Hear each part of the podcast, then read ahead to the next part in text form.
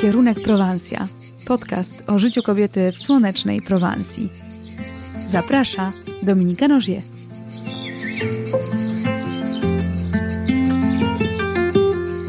Cześć.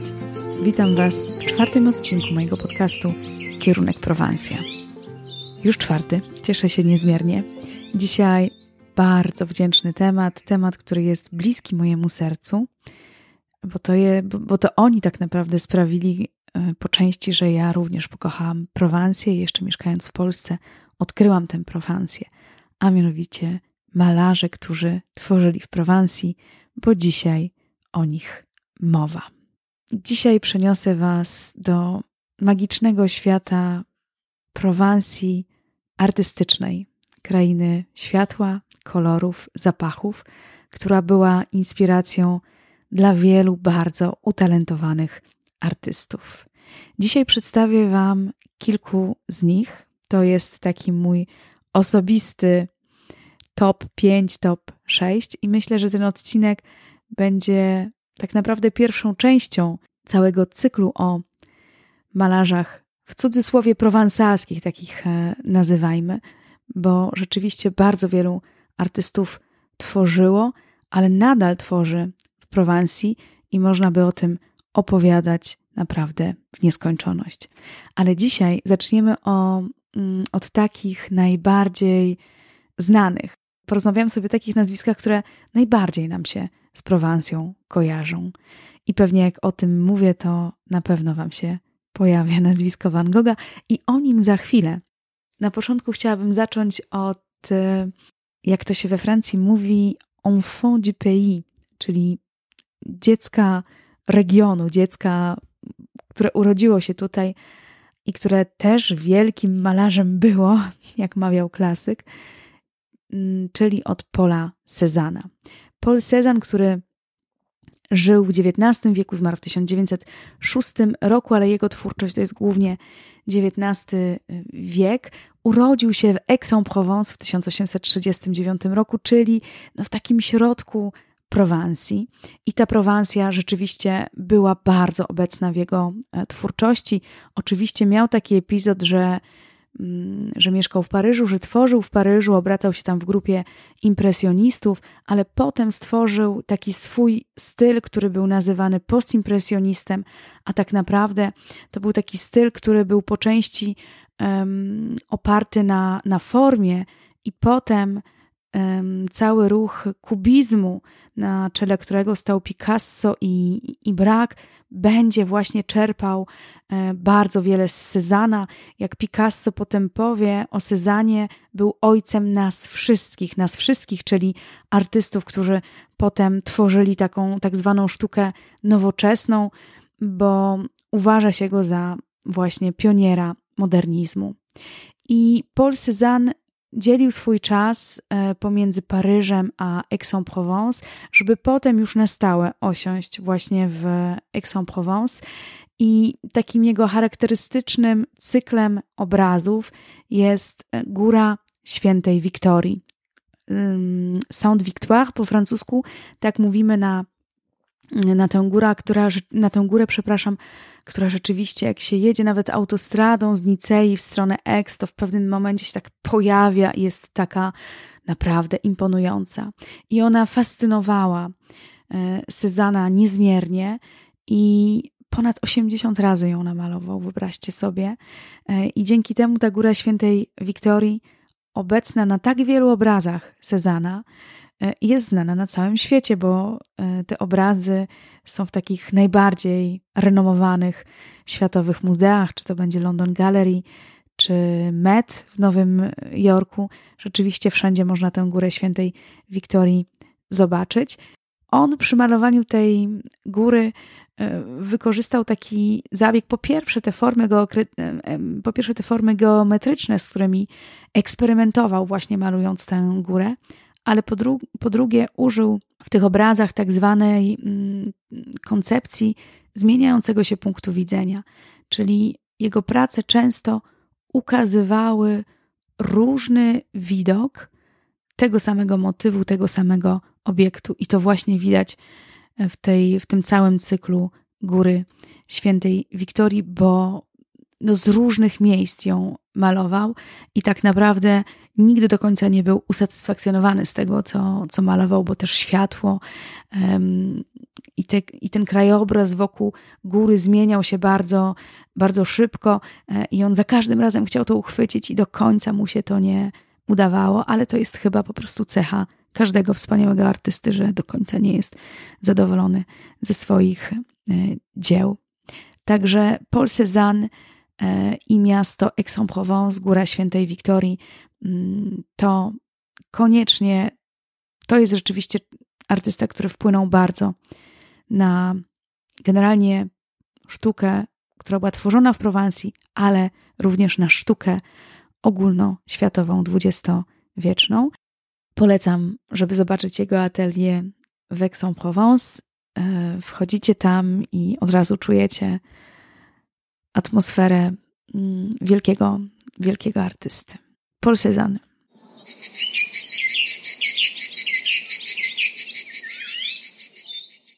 Artysta, który zawdzięcza bardzo wiele Prowansji, bo myślę, że bez niej by tak naprawdę no, jego dzieła chyba nie były aż tak znany na całym świecie, ale Prowancja również bardzo wiele jemu zawdzięcza. Chodzi oczywiście o Vincenta van Gogha.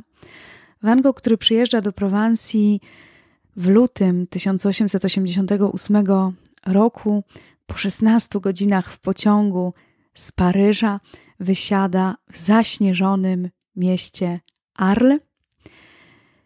I to tam uda się najpierw na taką pensję, gdzie sobie wynajmie pokój, a potem zamieszka w słynnym żółtym domu, którego turyści jeszcze po dziś dzień szukają w Arl, a tego domu nie ma już, bo został zbombardowany podczas II wojny światowej.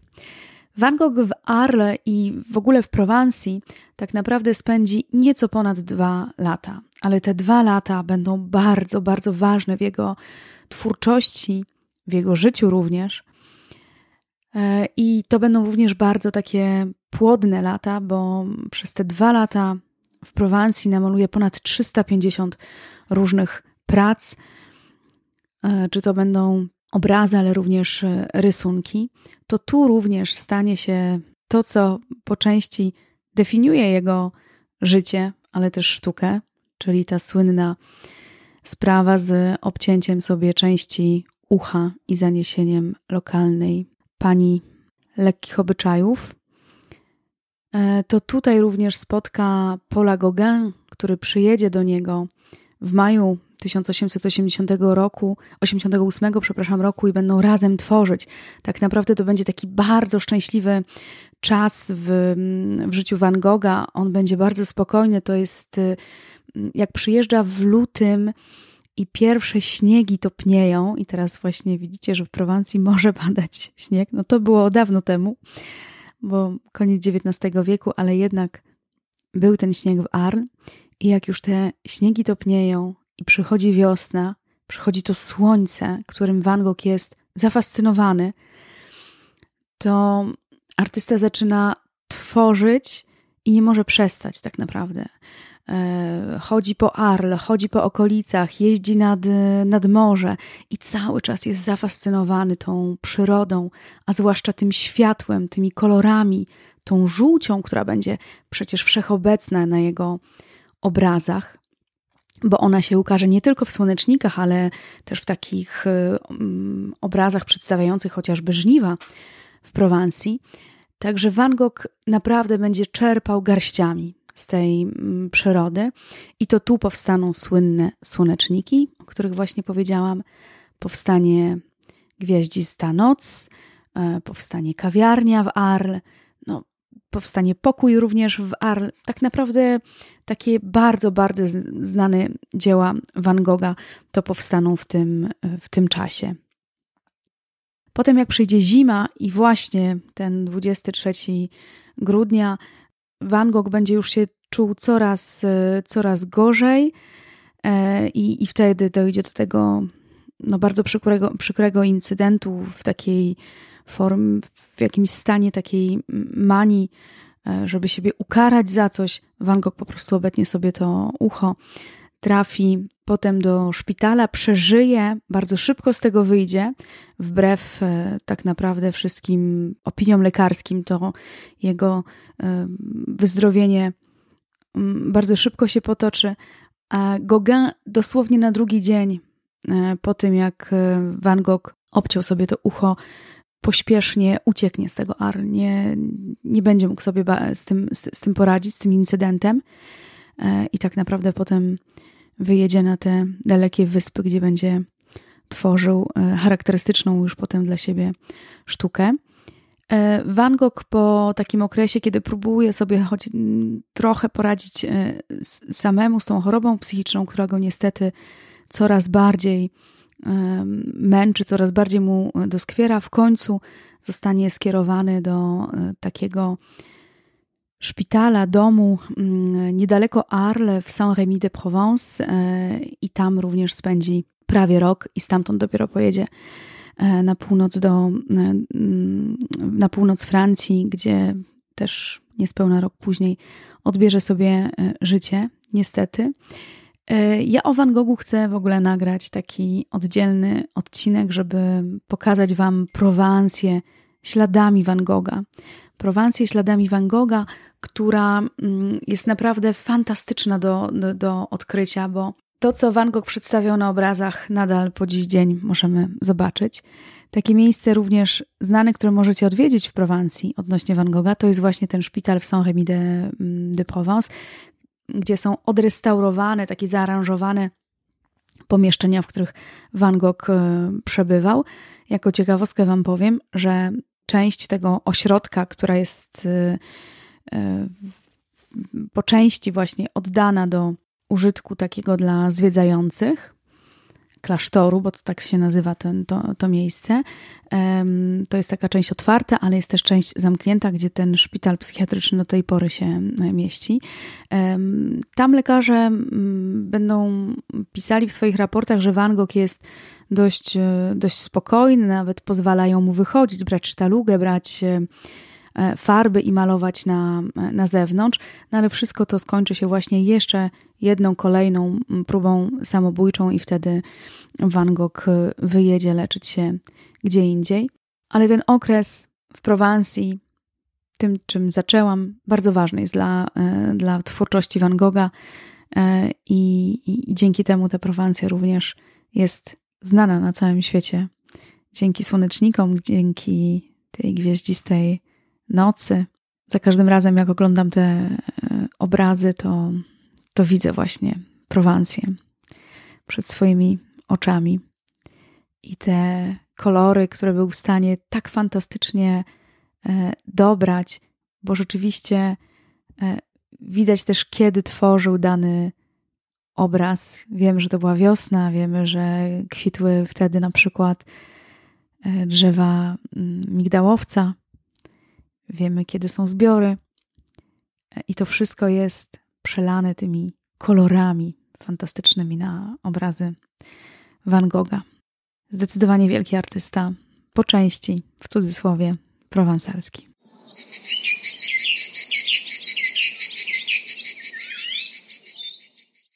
Jak zrozumiałem, że każdego ranka będę widział to światło, nie mogłem uwierzyć mojemu szczęściu. Zdecydowałem już nie opuszczać Nicei i zostałem tam praktycznie przez resztę mojego życia. Tak pisał Henri Matisse o, o Nicei e, w ostatnich latach swojego życia, bo rzeczywiście z Niceą był bardzo związany i z okolicami Nicei e, prawie przez 37 lat. Przyjechał pierwszy raz do Nicei w 1917 roku. Był już panem, jak na tamte czasy, dość wiekowym, miał 48 e, lat i od razu zakochał się w Lazurowym Wybrzeżu. Od razu zakochał się w, w Nicei i w okolicach zamieszkał na początku w hotelu Beau Rivage, który po dziś dzień e, istnieje. Jak będziecie wchodzić na Stare Miasto albo parkować się na parkingu Sulzer w Nicei na Starym Mieście, to tuż obok znajduje się hotel um, Rivage, w którym Matisse mieszkał. Zresztą jest też tam tablica taka upamiętniająca jego e, wizytę.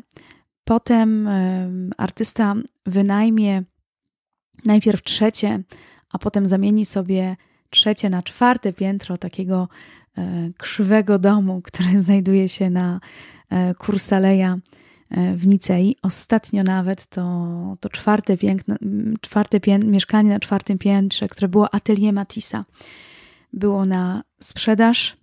Mm, nie, było, nie była podana e, kwota, bo była to po prostu e, licytacja, no ale dość wysoka licytacja. Można było składać oferty.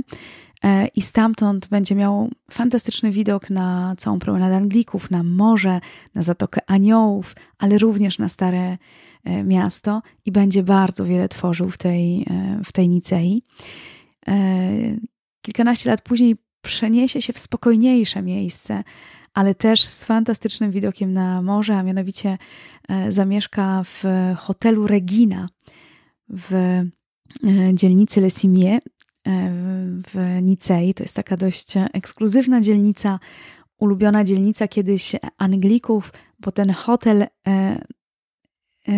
Regina, Regina po polsku, E, został wybudowany dla samej królowej Wiktorii, która przyjeżdżała do Nicei spędzać tutaj zimy. Potem ten hotel został zamieniony na prywatne mieszkania i właśnie Henri Matisse kupi takie jedno e, ładne, piękne, ogromne mieszkanie z fantastycznym e, widokiem. To mieszkanie ostatnio też było na sprzedaż za kilka dobrych milionów euro. Nie pamiętam, czy to było cztery czy pięć, ale jakoś, ale jakoś tak.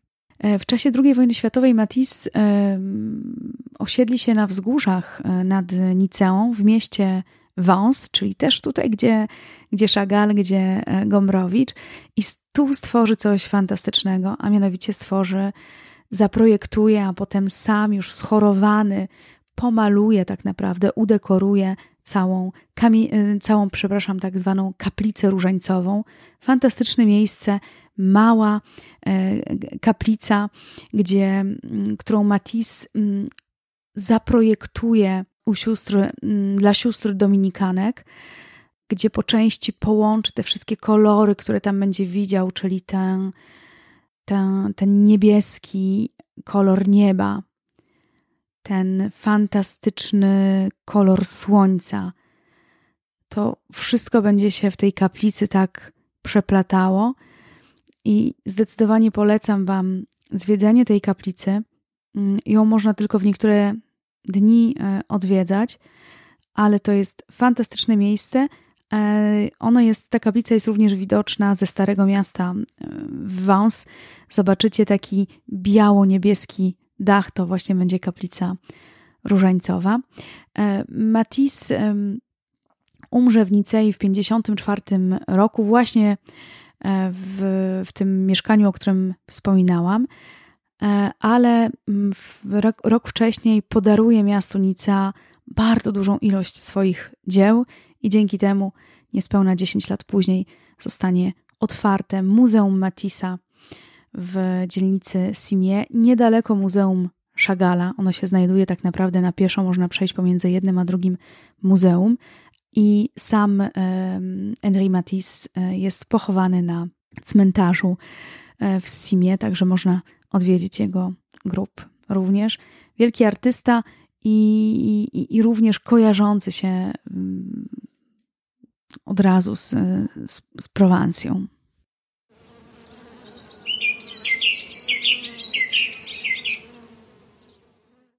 Jednym z moich ulubionych malarzy, którzy mieszkali i tworzyli w Prowansji.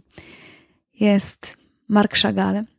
Mark Chagall, który urodził się w Witebsku na terenie dzisiejszej Białorusi, pochodził z wielodzietnej rodziny, miał ośmioro rodzeństwa.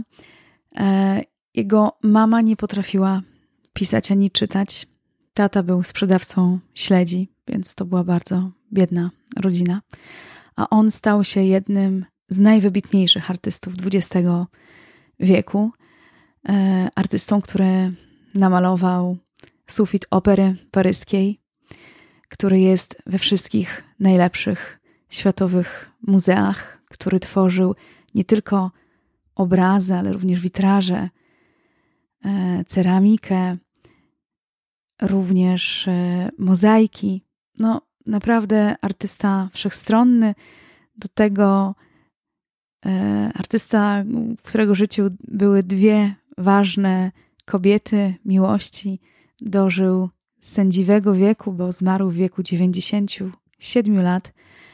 Tutaj nieopodal mnie, w miasteczku Saint-Paul-de-Vence, w którym jest również pochowany na cmentarzu. Marc Chagall, który e, no jest przedstawicielem takiej sztuki awangardowej, a trudno mi jest mm, mm, określić tak naprawdę, jaka ta, ta sztuka jego jest. Surrealistyczna trochę, nawiązująca na pewno do, do jego korzeni żydowskich. E, ta, ta, ta, tradycja żydowska przejawia się naprawdę w wielu jego e, obrazach, ale te obrazy są takie trochę senne, oniryczne. To jest również taka fantastyka. Te, te postaci e, latają, nie ma tutaj jakiejś takiej mm, perspektywy, to, ale to wszystko jest kolorowe, to wszystko jest takie żywe. E, i na jednym obrazie mamy tak naprawdę kilka różnych mini e, obrazów. Bardzo polecam sztukę Chagala. Chagall, który mm, w Prowansji mm, osiedlił się, przebywał podczas II wojny światowej przez chwilę tam w okolicach Marsylii. E, siłą prawie mm, ambasada amerykańska wywiozła Szagala wraz z żoną do Stanów Zjednoczonych, bo Szagal do ostatniego momentu twierdził, że nic mu się e, nie stanie, natomiast e, i nie chciał przede wszystkim wyjechać bez swoich obrazów. Natomiast Amerykanie przemówili mu do rozsądku i powiedzieli, że naprawdę grożą mu, grozi mu wywiezienie do, do obozów, więc on mm, po prostu uciekł pod warunkiem, że jego obrazy też, też jakby zostaną przetransferowane do Stanów Zjednoczonych. Jest taki serial na Netflixie, nazywa się po polsku Przez Ocean. I tam jest właśnie wątek Chagala i wątek innych artystów, którzy właśnie przez ambasadę amerykańską w Marsylii byli ratowani, przemycani właśnie do Stanów Zjednoczonych, żeby ich uchronić przed zagładą tutaj w Europie. E, Chagall e, tak naprawdę mm, zamieszka w latach 50. E, i 60. Po części spędzi trochę czasu w, w Prowansji, w Vence, w Saint-Paul-de-Vence i potem aż do 1980 roku, aż do śmierci zostanie w Vence. I nawet w latach 70. wyobraźcie sobie, że już będzie tak uznanym artystą, że zaprojektuje i sam otworzy swoje muzeum w Nicei. E, I to będzie takie dość wyjątkowe muzeum, bo jest to muzeum przekazu biblijnego, tak nazwie to e, Muzeum Chagall. E, muzeum, które się opiera na Starym Testamencie i tam, będąc w Nicei, możecie właśnie zobaczyć obrazy przedstawiające sceny wybrane przez Chagalla ze Starego Testamentu, to najpierw miał być taki cykl obrazów, które miały zasilić kaplicę w, w ale no, powstał taki pomysł właśnie stworzenia e, muzeum i Chagall z tego e, pomysłu skorzystał, bo jak, jakby, czemu nie, e, za życia artysty. On sam zaprojektował te, te muzeum i również tam możecie zobaczyć jego witraże, a w najmniejszej katedrze Francji, w miasteczku Wąs, tam gdzie tworzył również Gombrowicz.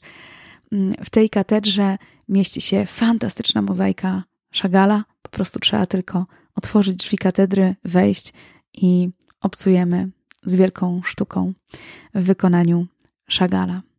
Także Chagall, e, który mieszkał i w Vence, i w Saint-Paul-de-Vence, e, koniecznie odwiedźcie te miejsca i muzeum w Nicei.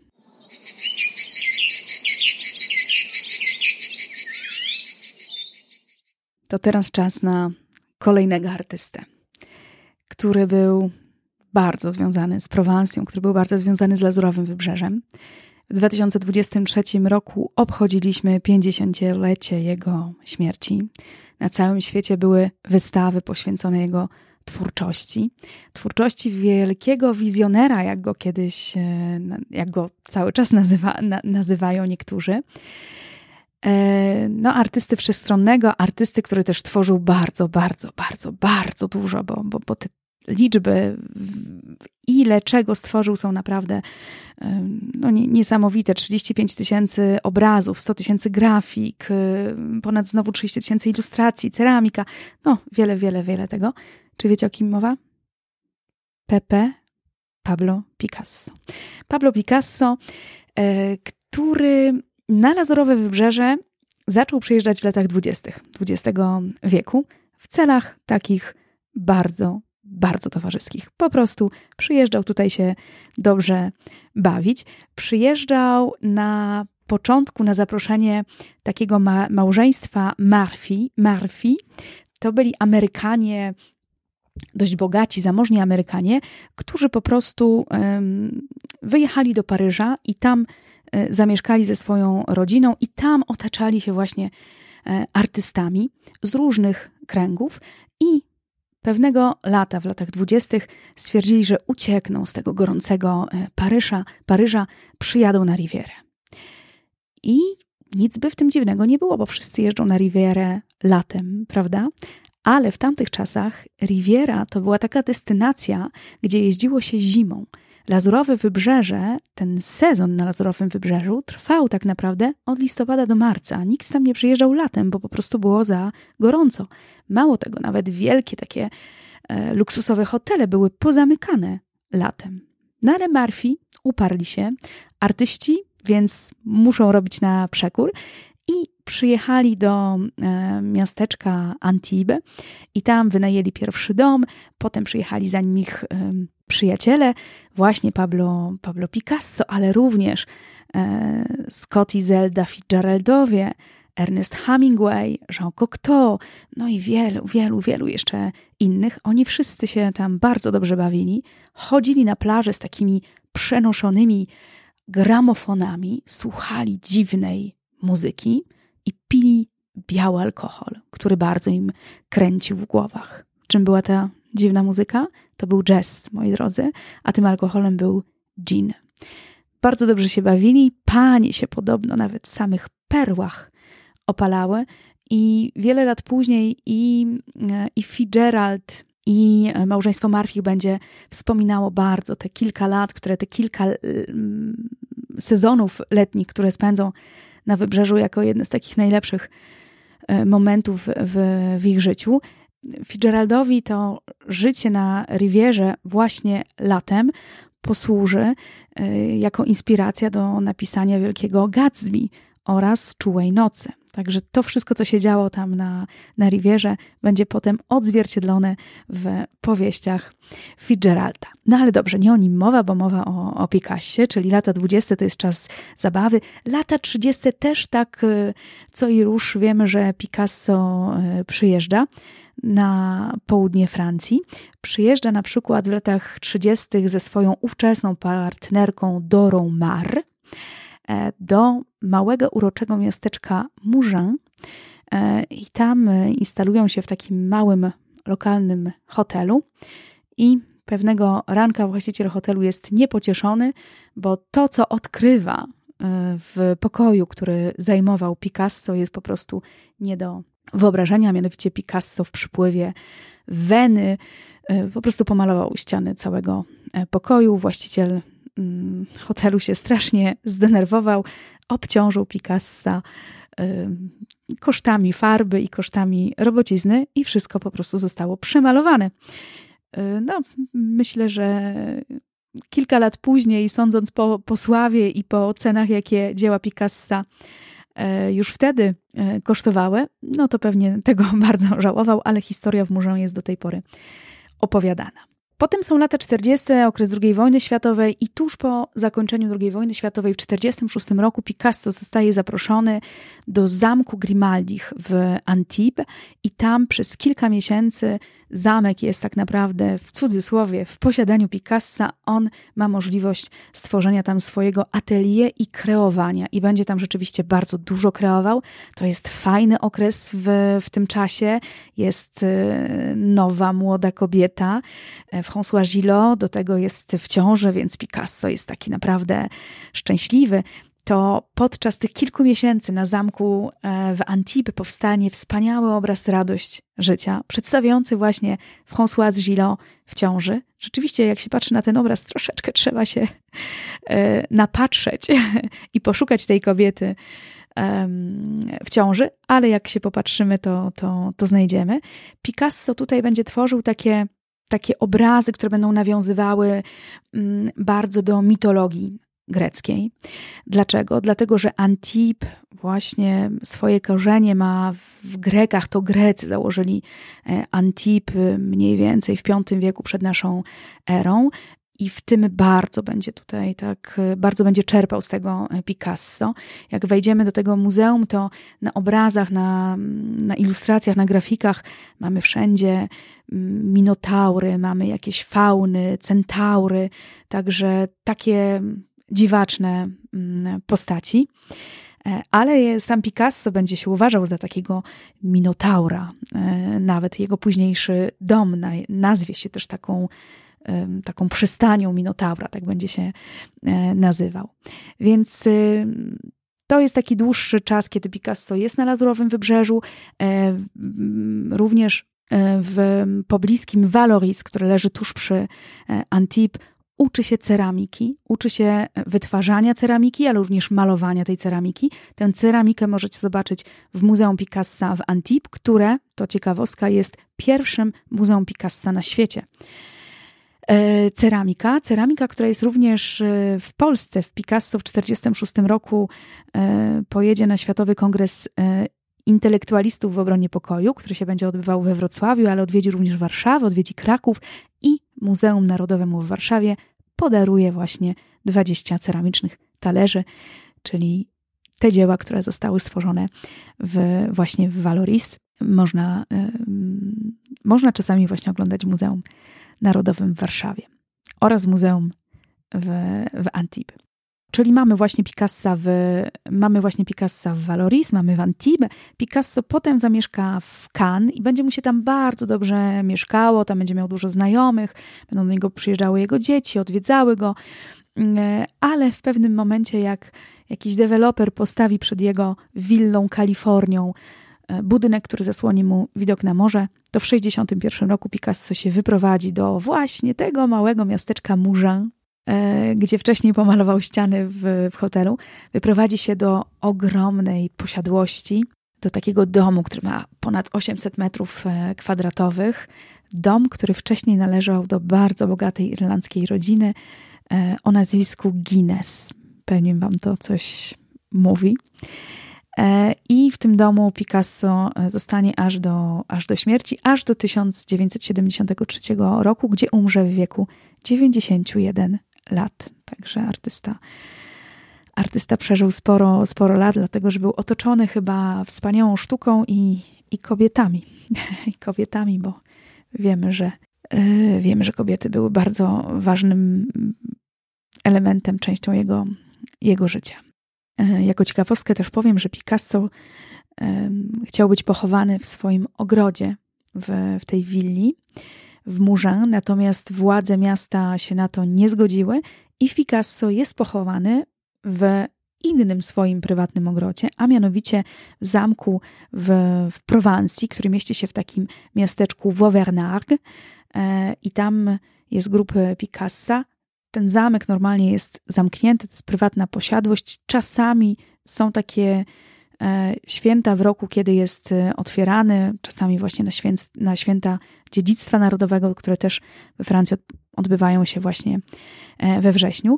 Ale mm, te miejsca, o których powiedziałam przed chwilą, to nie jedyne miejsca, gdzie Picasso bywał w Prowansji, uwielbiał koridę. Zresztą koridę można zobaczyć na jego obrazach, na ceramice. Jeździł bardzo często na koridę do Arles, są, z, są zachowane filmy, są zachowane zdjęcia z tego e, okresu, więc no, był, był wielkim fanem e, koridy. Jeszcze takim miejscem, które możecie odwiedzić, e, jeśli chodzi o, o Picassa i Lazurowe Wybrzeże i Prowansję, to jest kaplica Wojna i Pokój w Valoris. To jest wnętrze kaplicy, które zostało pomalowane przez Picassa i tutaj mamy już zupełnie inną twórczość niż ta przedstawiona w, w Muzeum Picassa w Antibes. No tutaj bardziej już nawiązujemy do, do, do Guerniki i do tego, co, co jak, jak jest przedstawiona po prostu e, wojna. Także polecam te dwa miejsca, jeśli chodzi o Picassa e, na południu Francji.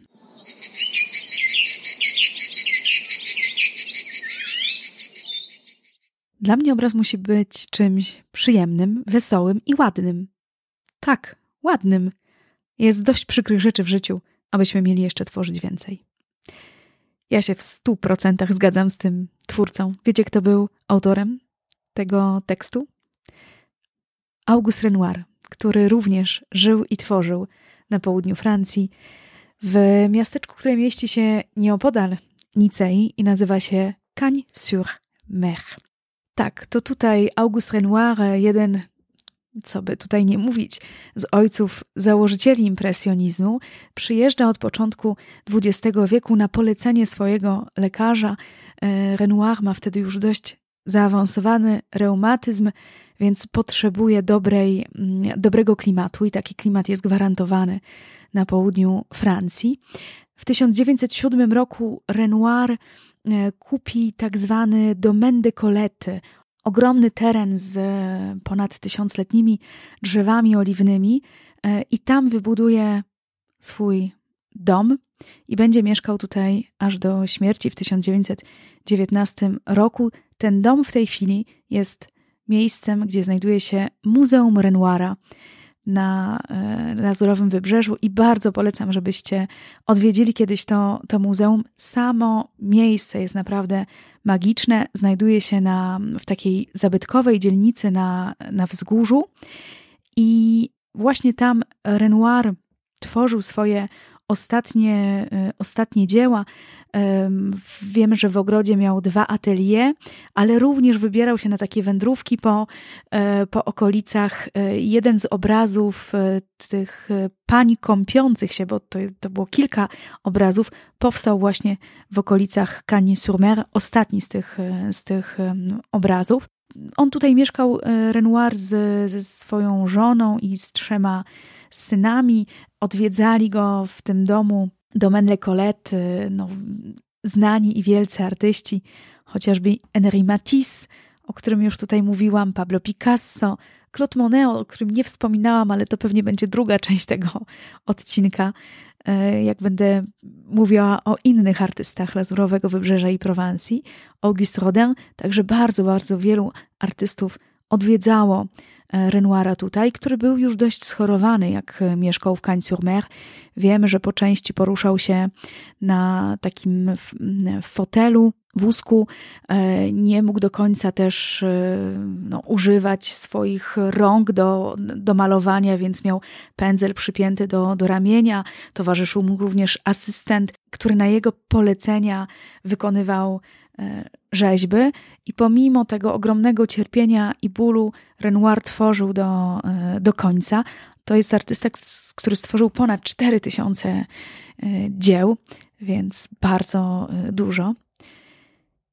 Dzisiaj, tak jak powiedziałam, możecie odwiedzić Muzeum E, Domaine de Colette w Cagnes-sur-Mer. Zobaczycie tam kilka dzieł e, Renoira. Będą to i obrazy, ale również e, rzeźba. Są też zdjęcia.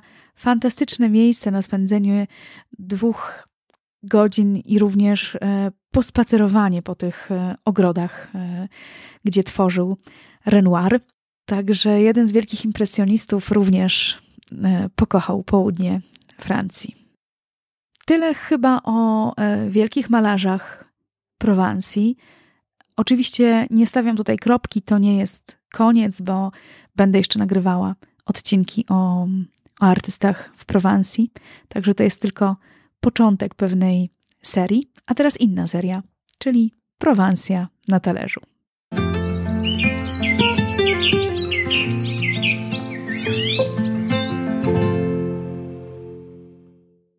Moi drodzy, zbliża się wiosna. Dużymi krokami zbliża się wiosna i za chwilę będziemy zajadali się przeróżnego rodzaju nowalijkami.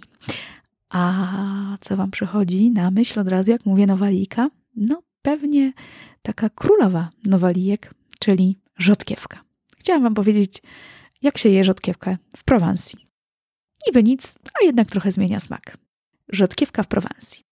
Obcinamy e, całą tą natkę rzodkiewki, myjemy ładnie rzodkiewki, obcinamy te korzonki, ale zostawiamy kawałek tych zielonych, tej zielonej natki, żebyśmy mieli za co, za co trzymać rzodkiewkę. I co robimy? I bierzemy bardzo dobre masło i nakładamy kawałeczek masła na rzodkiewkę, a potem to wszystko mieszamy w soli i popijamy na przykład do tego pastis. Rzodkiewkę w Prowansji w ten sposób je się jako aperitif, czyli coś przed posiłkiem. Bardzo dobra przekąska, bardzo zdrowa przekąska. No jest tam trochę masła, ale masło jest przecież zdrowe. A co robimy z natką pietruszki? Nie, nie wyrzucamy natki pietruszki, czyścimy bardzo dobrze i słuchajcie, robimy z tego zupę. Po prostu zupę krem, dodajemy do tego e, odrobiny e, ziemniaków, e, marchewki, pora, czego tam sobie wymyślicie.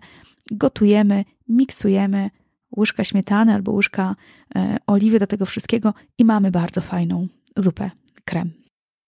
Napiszcie mi, jak smakowała rzodkiewka z masłem i z solą. A ja y, dzisiaj już będę kończyć i zapraszam Was na kolejny odcinek podcastu w przyszłą niedzielę.